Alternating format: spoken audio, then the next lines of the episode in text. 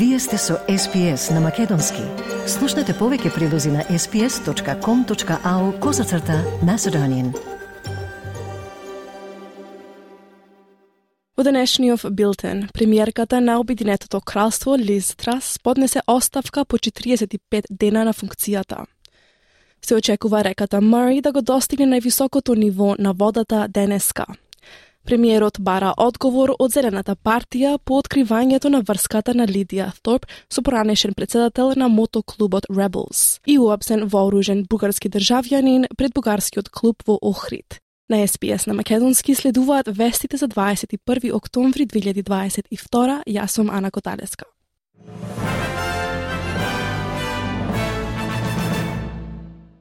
Премиерката на Обединетото кралство Лиз Трас поднесе оставка по бурни шест недели откако стапи на функцијата.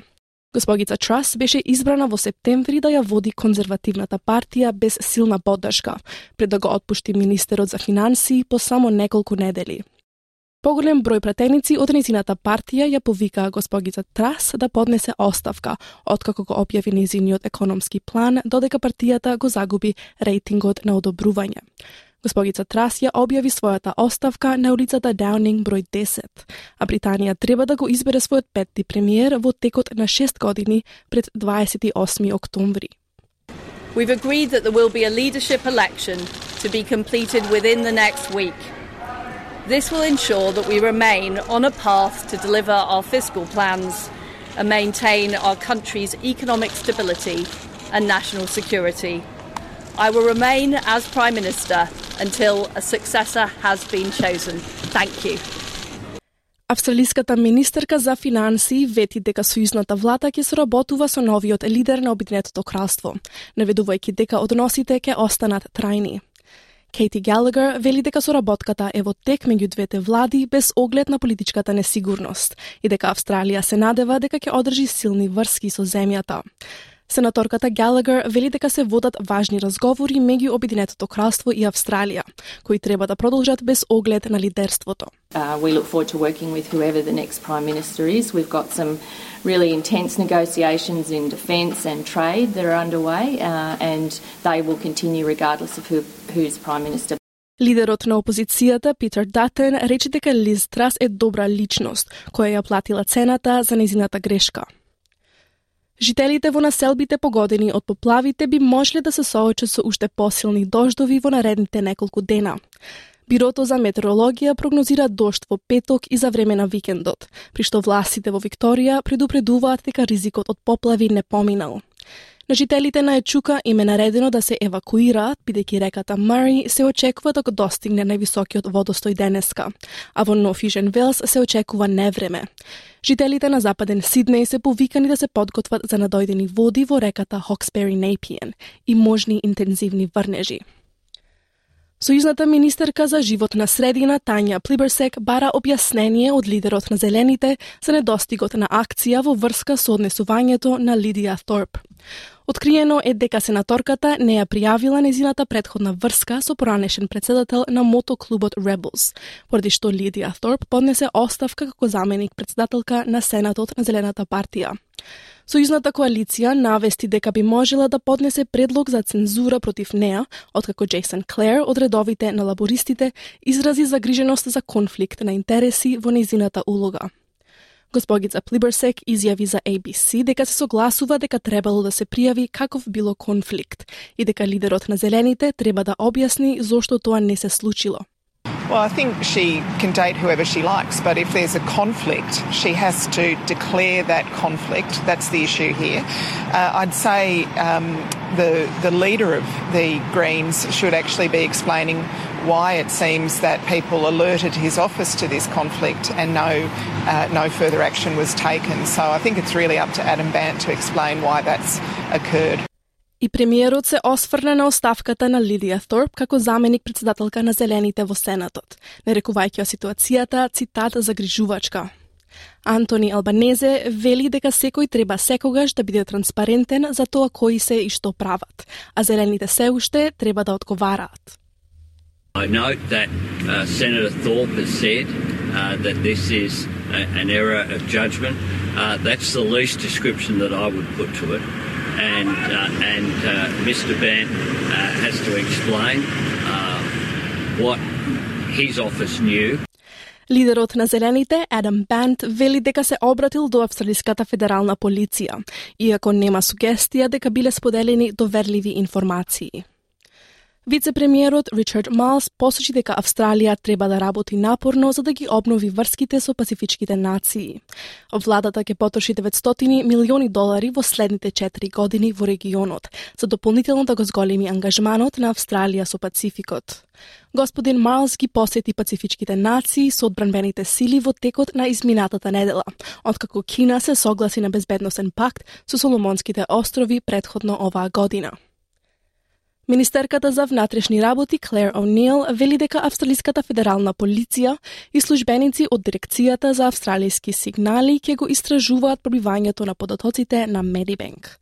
Приватната осигурителна компанија вели дека онлайн криминалците сакаат да преговараат за откуп и дека споделиле со компанијата дел од податоците на клиентите кои биле украдени. Податоците ги вклучуваат медицинските услуги што ги добиле луѓето и шифрите кои се однесуваат на нивните диагнози и процедури. Госпогица О'Нил потврди дека побаран е откуп и вели дека можното јавно објавување на приватни здравствени информации представува огромен проблем. Communications have been made to Medibank from criminals who are claiming to have significant data of Australian citizens, and they have now demanded to enter into a negotiation with Medibank to hold that data effectively for ransom. Financial crime is a terrible thing, but ultimately a credit card can be replaced. The threat that is being made here to make the private personal health information of Australians made available to the public is a dog act. Се состануваат министрите за живот на средина од целата земја за да разговараат за заштита на нацијата, за прв пат откако лабористите ја презедува власта во сојузниот парламент. На состанокот на кој ќе учествуваат министрите за живот на средина на државите и териториите, како и сојузната министерка, ќе се разговара за заштита на 30% од австралиското копно и океани. Сојузната министерка Тања Плиберсек истакна дека потребни се национални реформи и агенција за заштита на животната средина. Во Охрид е уапсен 22 годишен бугарски државјанин кој со себе носел два ножа со долги сечива, додека се наоѓал во близина на неодамна отворениот бугарски клуб Цар Борис III. Тој им станал сомнителен на полицајците што биле во близина, па тие кај него нашле два ножа со сечива долги 10 и 15 сантиметри. Тој бил депортиран и добил две годишна забрана за влез во Македонија. Портпаролот на секторот за внатрешни работи во Охрид за медиумите ја даде следнава изјава. Се работи за 22 годишен бугарски државјанин кој во текот на вчерашниот ден околу 11 часот е лишен од слобода од полициските службеници од СВР Охрид во трговскиот центар Амам во Охрид. Кај него пронајдени се два ножа и врз основа на членот 80 од Законот за оружје, истиот е лишен од слобода и предаден на судија на предходна постапка при основниот суд во Охрид. Украина за прв пат воведе рестрикции за користењето на електричната енергија по почетокот на руската инвазија, одлука која доаѓа по серија ракетни напади од страна на Русија. Користењето на струја е ограничено во текот на ноќта, а мерките ќе овозможат да се поправи инфраструктурата уништена во неодамнешните напади. Во меѓувреме, Обединетите нации тврдат дека постојаното гранатирање ја отежнува испораката на помош. Постојаниот координатор на Обединетите нации во Украина, Денис Браун, вели дека хуманитарната заедница доживува трауми, а луѓето се уште ќе претрпат повеќе предизвици во текот на зимските месеци. People who've been displaced by the war, people who've lost their homes because of the war, and now find themselves in very, very precarious situation over the, the winter months.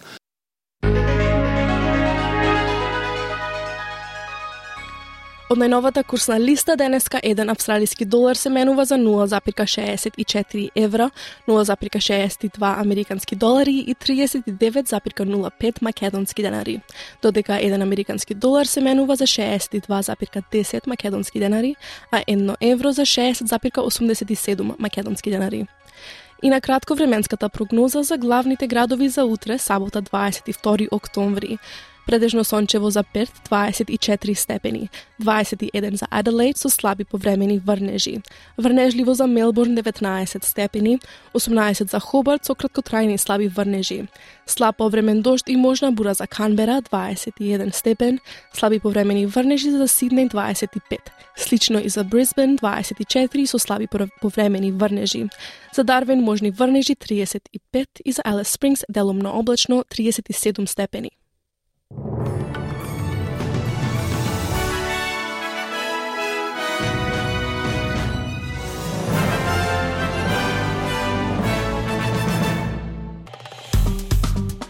Стиснете, ми се допаѓа, споделете, коментирајте. Следете ја SPS на Македонски на Facebook.